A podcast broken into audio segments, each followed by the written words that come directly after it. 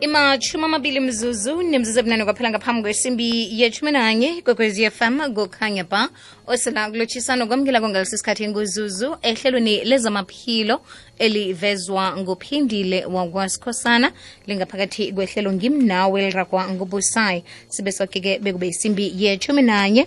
Kanti-ke leli lihlelo olilethelwa ngemfisela buhle eh ngiba kwa-sabc radio education enriching minds enriching lives um namhlanje sike siqale godu ihlangothi labobaba njengoba na sisese senyangeni yokuyelelisa ngezamaphilo ebantwini bembaji namhlanje sike sitsheje i-prostate cancer. Eh kanti-ke ukuzwa ngokunabileko nge-prostate cancer ukhona udr vakele ozosinabela ngesihloko sethu. Dr vakele lotsha lotsha njani? Sivukile singezwa ku Ah, asivukile kukhanya bhala siyathokoza mm. siyakwamukela agodwe namhlanje ehlelweni lethu lezamaphilo kugwegwezi f m. kanti-ke ungasithinda mlaleli ku-089120766 6708912076 ukukhambisana nathi njengoba-ke sikhulumisana nodr vakele sikhulumisa i-prostate cancer. Kokuthoma-ke dr vakele siba usihlathululele bona iyini um i-prostate i-prostate isitho esitholakala kubantu bembanje kuphela. So sincane nje ukulingana singasilinganisa nebhontshisi litholakala laphayana phambi kwesinya somchamo but ngaphansi kwesinya somchamo but ngaphambi kwale kwe-rectum so kaningi-ke i-prostate cancer ivane kube yileyo gland leyo enama-cells. Ama-cells wakhona avele akhula ngendlela engafanelekile or namkha avele akhule isinya bese leyo nto leyo iba yinkulu igcine seyibhlokha into eziningi lapho so yinto esiyibiza ukuthi i-prostate cancer. So le prostate gland mayinoma siyibiza ukuthi prostate gland so iyenzani la emzimbeni. Ile ikhipha lamanzi wembewu kababa so into esiyibiza ukuthi i-semen fluid so iyenza leyo fluid leyo leyo gland leyo so siyibiza ngokuthi i-prostate gland ihlala khona laphaya phambi kwesinya somchamo ngaphambili futhi kuyilona kwi-rectum la kuhlala khona unumber two wakho. So itholakala only kubantu bengibanje. Ngobantu bengubaba nayo. Manje sike khonapho ku-prostate njengoba nasele uyihlathululile eh kulapha kutholakala khona ikankere kibo baba ngitsho amathwayo-ke ngimaphi? Amathwayo khulukhulu angithi le nto yincane. So manje mase ikhulile ivane iblokhe laphaya la ubaba kufuneka athunde khona. So iblokha la umthundo odlula khona. So kuba uthole ukuthi umuntu akasakhoni ukuyochama sekufuneka afake amakhathetha or athole ukuthi umchamo wakhe uba nengazi. Athole ukuthi noma athi etoilet ngoba lento iphusha laphaya kulo kulo la umchamo odlula khona. Bese thola ukuthi kumele abe ngathi uyaphusha makachama or mhlawumbe umchamo achame khulukhulu ebusuku. Umchamo wakhe ukuthi uyakaningi etoilet ayochama especially ebusuku bese-ke uchama umchamo omncane aphinde abuyelele godi bese abanye-ke thola ukuthi kuba namapeni khona la ezithweni zangaphambili. Kuba namapeni mhlambe la enyongweni or emgogodleni so zonke lezo zinto lezo fani noma ubaba athi nakathi ukuphuma urokho le mbewu ma iphuma iphume inegazi. So yiwo-ke amathwayo esiwabona kakhulukhulu kubantu abaneprostate kuyezwakala simeme kodwa umlaleli ku-079 413 2172 079 413 2172 nange kukhona ufuna ukuzwisisa ngokunabileko nge-prostate cancer ongasithumela umbuzo wakho ugadangise iphimbo namkha-ke i-voice note ku-079 413 2172 namkha usidosele ku-089 1207667 khona udr vakele ozosiphendulela imibuzo ikwekwezi usemoyeni lotshani ku-089 12076 67 ikwekwezi usemoyeni lotshani lotshani Azizu kunjani? ngikhona kunjani baba Ujabu ngisiza nge-TV Tony ngilotshisa nodoko. siyathokoza jabu Eh, Zuzu mana yazi na sikhuluma iqiniso lipheleleko. A- Abododa angazo ruza kuvumelana nami. Ulwelwe bu- bu- bu- buyabahlula Zuzu. Ngoba esikhathini esingabantu abaphethwe bulwelwe kumane abasindi. Angazo rudo kuza kuvumelana nami. Eh, Dr. Vakele eh umlaleli uveza ukuthwenyeka ngabantu abanekankere ukuthi abasindi bonke bayadlula ephasini. Kuba yini? Kunjalo?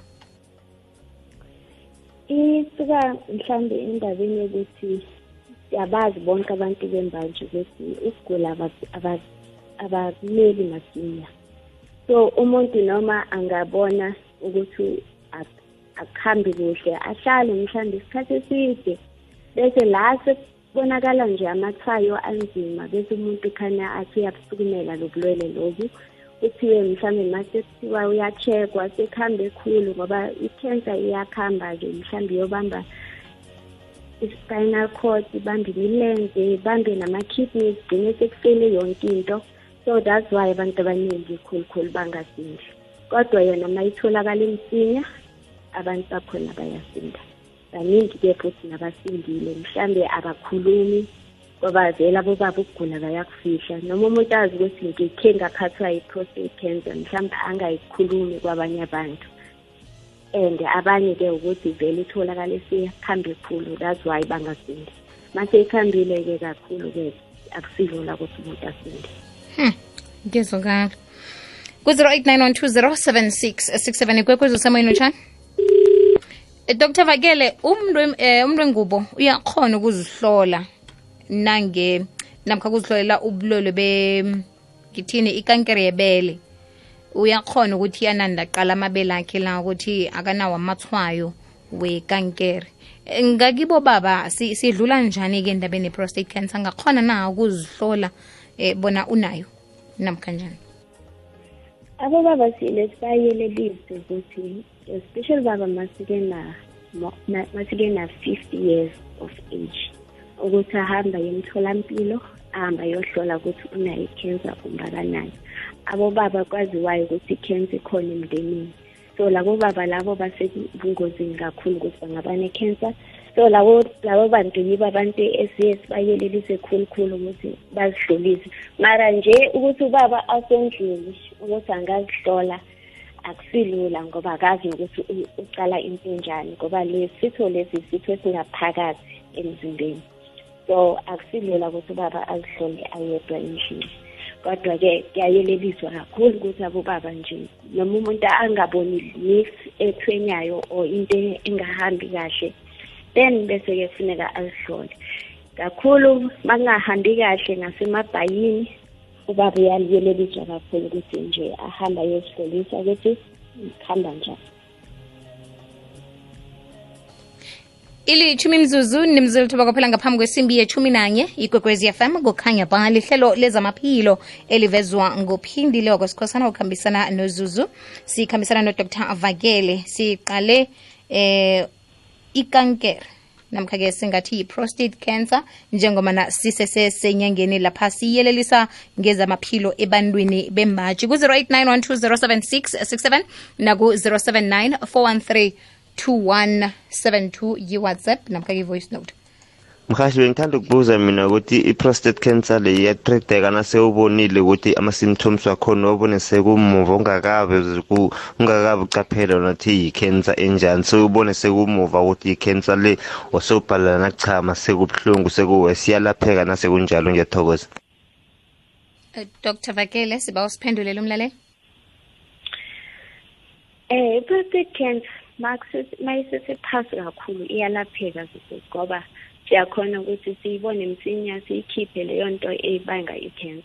Mara mase ikhambe khulu kuba khona izinto esizenzayo mhlambe like abo-cryotherapy ukuthi siyifreeze ukuthi ingasaqhubeki or mhlambe senze abo-chemotherapy kusiyishise emzimbeni. Kodwa-ke izinto esizenza ukuthi umuntu mhlambe impilo yakhe i-improve kodwa-ke ukulapheka mase ihambe kangako akuse- asisakhoni lapha mase ikhambile siyathokoza dr. Vakele ngibawe godu kumlaleli bona nakasithumela i-voice note nge-whatsapp. Eh uqinisekisa bona uba sendaweni ethulileko ngoba asikuzwa nangeuzigadangisa ikhibe ngemva kwakho kukhuluma umrhatsho 079 413 2172 kulapha ugadangisa khona iphimbo lakho. 0891207667 ikwekwezi usemoyeni lutshani Yebo njani ngikhona kunjani mama? Akwande Akwande njani ma? sivukile njani? Ngivukile eh ukhuluma no Mrs X la Witbank ne. alright mama Ngiba ukuza ku doctor eh ubaba bami uthe waba nawo wonke lama symptoms awabalako ukungakhoni ke toilet ungakhoni waya ku e- e- esibhedlela. Then after sekayile esibhedlela udoctor wamcheck wathola ukuthi ayikaka-spread umzimba wonke so bese kosa buyele bayosikhipha la i-cancer i- ikhona khona. Azange kabuyela so ngifuna ukwazi ukuthi angeke kube nenkinga ekuhambeni kwesikhathi na. Okay ngiba ubambe njalo uqinisekisa bona udoktor uzwe kuhle. Dr vakele uzwe kuhle umbuzo mhlambe yini isizathu sokuthi akabuyelanga ubaba loyo? Angizwa ma isizathu sokuthi ubaba angasabuyeli bekuyini? Eish angazi uyazi ukuthi abobaba sometimes baba novalo ngicabanga ukuthi into ezinjalo nje. But azange abe ne- ne- ne-reason ezwakalayo ukuthi why angasabuyeli. Ngisuke ngimducuze ukuthi akabuyele akabuyele until manje ngoba uyenze nini? Uye last year ngojuni. Wafaka amakhathede ngoba angasakhoni i-toilet angasakhoni i-next vele ubaba loyo usenkingeni loyo ngoba i-cancer uma kuthi azange ikhishwe izochubeka ihambe emzimbeni bese kugcine-ke angasakhoni singasakhoni ukuyenza anything imtshele ukuthi no lo- le cancer lesi ikhambe khulu so ukuhlala kwakhe ku- u- u- uzi- u- impilo yakhe iziba- isengozini ngoba i-cancer izospreada bese agcine-ke Mm. aba nokugula okuningikhulu emzimbeni wakhe eish okay ngiyabonga doctor ngibonga kakhulu. Angazi ngazi ngizokwenza njani but ngiyabonga. So kuzofuneka ukuthi umgqugquzele ubaba loyo ukuthi ahambe ayoyikhipha le cancer ngoba uma isese phasi kulula siyayikhipha leyo cancer bese ubaba usindile. Mara ma seyikhambe khulu sekunzima ngoba iyamceda lala emzimbeni iceda wonke zonke izitho ezikhona emzimbeni agcine ubaba loyo ahlogakala Ush, okay. Okay ngizozama doctor umgcugcuzela ngiyabonga kakhulu. Ngiyabonga Okay. ukuthi ezinto ku-079 413 akwande mamnitswalo kunjani? Bengiba ungibuzele ku-dr vakele ukuthi i-cancer iyadlulelana na? Like ngamathe like ngegazi or mangabe umuntu bekenza ukudla? Bengiba ukubuza ukuthi iyadlulelana na? Thank you. Lotsha sesizuzu ukhuluma nodalilo e-witbank. Eh bengicela ukubuza lapha ukuthi okay le cancer njengale yenziwa yini emzimbeni womuntu mhlambe ukudla thize ukuthi okay sidle ukudla kwe-snacks akuyelana nomzimba or yini? Ngiyathokoza. Dr vakele na kumbuzo ukuthi ikhensa le ibangelwa yini? Ngakhani kudla khe sizwe kutshiwo njalo ukuthi sidla ukudla okusibangela ikankere egcineni ngakhani kuliqiniso lokho? Eh i-cancer i-cancer lo mbuzo asiphendule lo wokuqala lo ukuthi iyadlulelana na? I-cancer yokudlulelana ayidlulelani. I-cancer kaningi umuntu noma ungayibamba niye uyithole so akusiyinto ethathelana nje. So iba yinto ekuma-genes we-family. So ihambisana nofuzo. Ma kuthi mhlawumbe ubaba wakho ukhe waba ne-cancer nawe usengozini yokuthi ube ne-cancer. So ihamba emndenini ngaleyo ndlela leyo idlulelana ngaleyo ndlela leyo ngama-genes. Hhayi ngezinto zokuthi umuntu we-cancer akakwazi akakhoni ukuphekela omunye or akakhoni awukhoni ukumbamba umuntu we-cancer loka akusukudlulelana kwakhona. So ngilandele ngalo ukuthi bangwa yini. Ibang i-cancer umbango we-cancer kuhle kuhle especially prostate cancer az- awaziwa kuhle kuhle. Mara kuba khona izinto esike siyelelisa abantu ukuthi eh, mabazi mabazenze mhlambe bangareduce i-risk yokuthi bangaba ne-cancer. So umuntu ke especially umuntu owubaba abe mkhulu ngomzimba. So lezo yizinto esithi ama-risk factors angayenza ukuthi umuntu angagcine abe nekankere. Kodwa um- i- into ebangela ikankere ye-prostate kuhle kuhle ayaziwa. Kaningi kuba ama-genes womuntu akhona emndenini. Yiwo lawo agcine ukuthi amenze ukuthi naye abe nayo i-cancer leyo. Alright kuyazwakala eh omunye umbuzo ke othunyelwe mlaleli ku-0794132172 uthi eh ngiba ukubuza ukuthi cancer ibamba bobaba abana 50 years bodwa na? Eh angeke sithi bamba abobaba abana 50 years because siyabathola mhlambe nabana 30 40 abanayo i-cancer leyo njengoba sishilo ukuthi iba ufuzo so ngezinto-ke ezenzakalayo-ke umuntu mhlambe i-lifestyle yakhe itshintshe agcine seke ba umuntu onomzimba khulu agcine kube umuntu mhlambe oba eh nama-STIs into ezinjalo. So lowo muntu lowo angagcine imbamba i-cancer ngap- ngaphambi kokuthi afike ku-50 years. So ayibambi abantu abana-50 and above only kodwa abantu abasengozini khulukhulu abantu abana-50 years.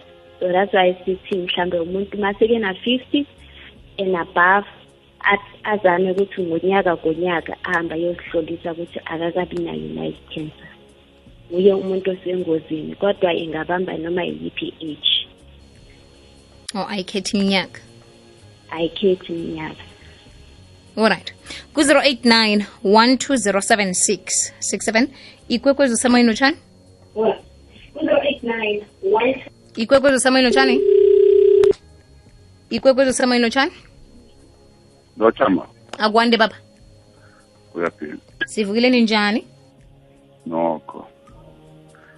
Ngingahamba kumhlalampilo mangifika le kwathiwa ngibatshela ukuthi mangifundako phuma igazi bathi imvelo. Manje angazi ukuthi yini ngempela le. Bathi imvelo sebatsho njalo kwaphela. Hawu. Dr vakele eh kuyakhonakala batsho umuntu nedi nakahlambulukako kuphuma ingazi bese kuthiwa imvelo? Awa Eh. ayikho. kingikuphi lapho? Funeka i- umuntu ophuma ingazi simcheck-a zonke izinto ezingaba khona and manje asazi ukuthi lo uneminyaka eyingakhi lo uqeda ukufuna. Kodwa manje-ke funeka ku-check izinto ezifana nabo-bilharzia zifane nabo izinto esiyibiza ukuthi urinary tract infection. Then nayo i-prostate cancer le funeka siyi-check-e so umuntu makachama ingazi kuba khona nezinye mhlawumbe iy'mpawu abanazo. And kudiphenda ne-age yakhe ukuthi umuntu ungakanani nawo sekufuneka kucheckwe konke lokho but ayikho imvelo ukuthi umuntu uchame igazi okay. 0891207667 dr vakele eh umuntu uyakhona ukuthi azivikele bona angabi ne-prostate cancer? Nakhona ke uzivikela njani? Nangiyakhonakala eh umuntu lo simane sithi ukuziphatha nje kuhle nje ukuthi mhlambe ukuthi ungabi nokugula lokhu or u- u- uzehlise kuma-risk factors. Like umuntu adle kuhle mhlawumbe amaveji abe ne-healthy diet abalekele ukudla okunamafutha kakhulu. Azame ukudla ukudla more than ama-supplements ngoba abantu baye bathanda ukuthi badle ama-vitamins ama-tablets in, in.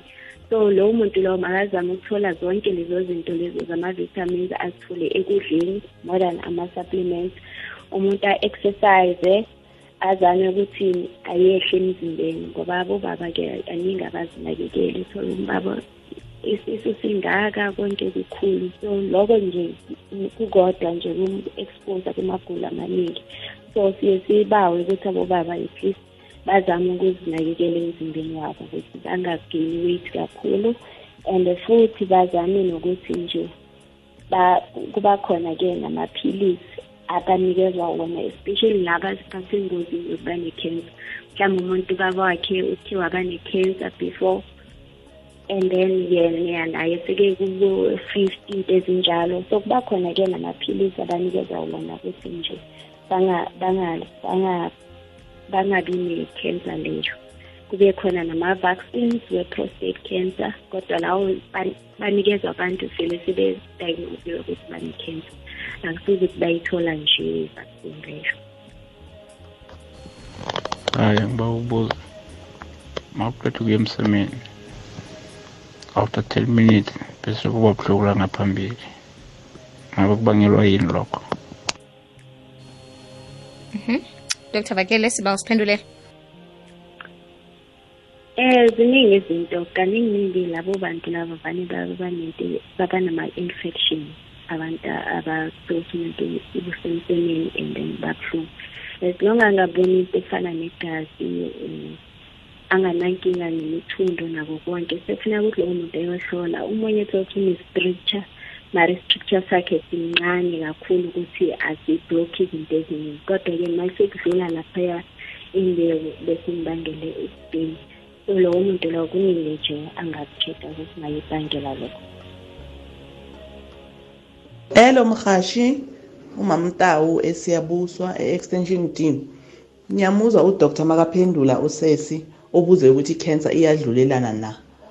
Ngithanda ukusiza abalaleli ukuthi i-cancer ayi ayikho kuma-genes i mean ayikho ku-heredity kwaphela ukuthi ekhayikini kunomuntu or umbelethi wakho eh une-cancer yingakho wena mntwana uzoba ne-cancer. Mina ngibe nomntwana 2015 odiagnoswe ukuthi une-blood cancer and bone marrow cancer two types ze-cancer. And only to find ukuthi efemelini yasekithi la kubelethwa khona mina mamakhe nami mina mamakhe anginayo. Nasefemelini yakababakhe la kubelethwa khona ubabakhe akekho noyi-one onayo. So i-cancer ayiyi nge-heredity. I-cancer iyazenzela. Yingakho bamayichaza bathi i-abnormal growth of ama-cells so kungenzeka kube ikhona efemelini yakini ube nayo. Kungenzeka ukuthi kube ayikho at all. Efemelini yakini so nalapho ngicela ukuthi abalaleli bakuzwisise nako lokho ngiyabonga Doktere, eh Dr. Vakela ngazi ukuthi ungazaliselela lapho namkha kunokhunye. no uma lo ukhuluma iqiniso cause kaningi ne kodwa-ke i-cancer khulukhulu into ebanga ekuba ekuba ma-genes khulukhulu but ezinye abanye ama-cancer kuyahlukahluka-ke ukuthi ama-cancer i-cancer yiphi. Banomuntu one-cancer yesikhumba. Isikhumba ingaba yinto ukuthi mhlawumbe umuntu yele waba exposed to i-light into ezinjalo. So ezinye kuba i-environment la umuntu akhona khona noma ingekho i-cancer ekhaya mara kube khona ezinye izinto ezine-exposure to i-cancer. Fana noma umuntu mhlawumbe one-lung cancer. Umuntu ozibhengele isikhathi eside abe ne-lung cancer. So kuyadiphenda ukuthi i-cancer yiphi and ihamba njani. So okunye-ke kuba i-environment le okuyo-ke exposure to cancer even if ingekho i-cancer ekhaya. So uma lo akakho wrong makasho njalo. But i-cancer ama-cells wakho emzimbeni avele ashintshe akhule ngendlela engasiyiyo okanye namkha akhule akhule abnormal. So that's why ngithi uma naye akekho wrong makasho njalo.